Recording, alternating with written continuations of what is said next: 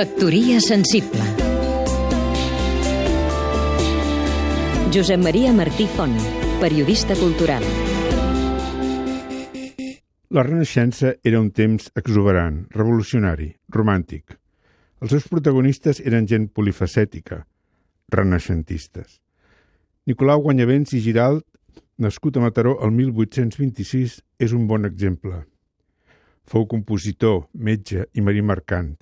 Va estudiar comerç, nàutica i també medicina i fou un dels més destacats introductors dels principis mèdics de l'homeopatia. Mentre feia tot això, estudiava pel seu compte flauta, guitarra i composició.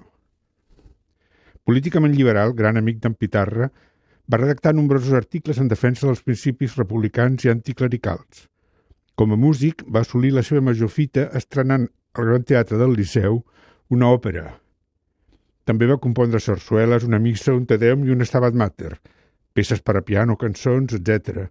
Però se'l recorda sobretot per una peça que ha tingut l'honor d'esdevenir una cançó tradicional.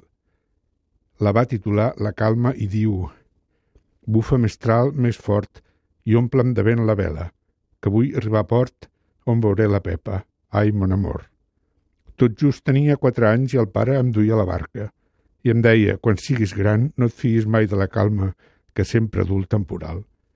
Ara, Roser Ramos, en el marc del pràcticum dels estudis del Departament de Musicologia de l'ESMUC, ha inventariat el fons de les seves partitures que conserva la família Guanyavents i ha fet un estudi del compositor i el seu temps.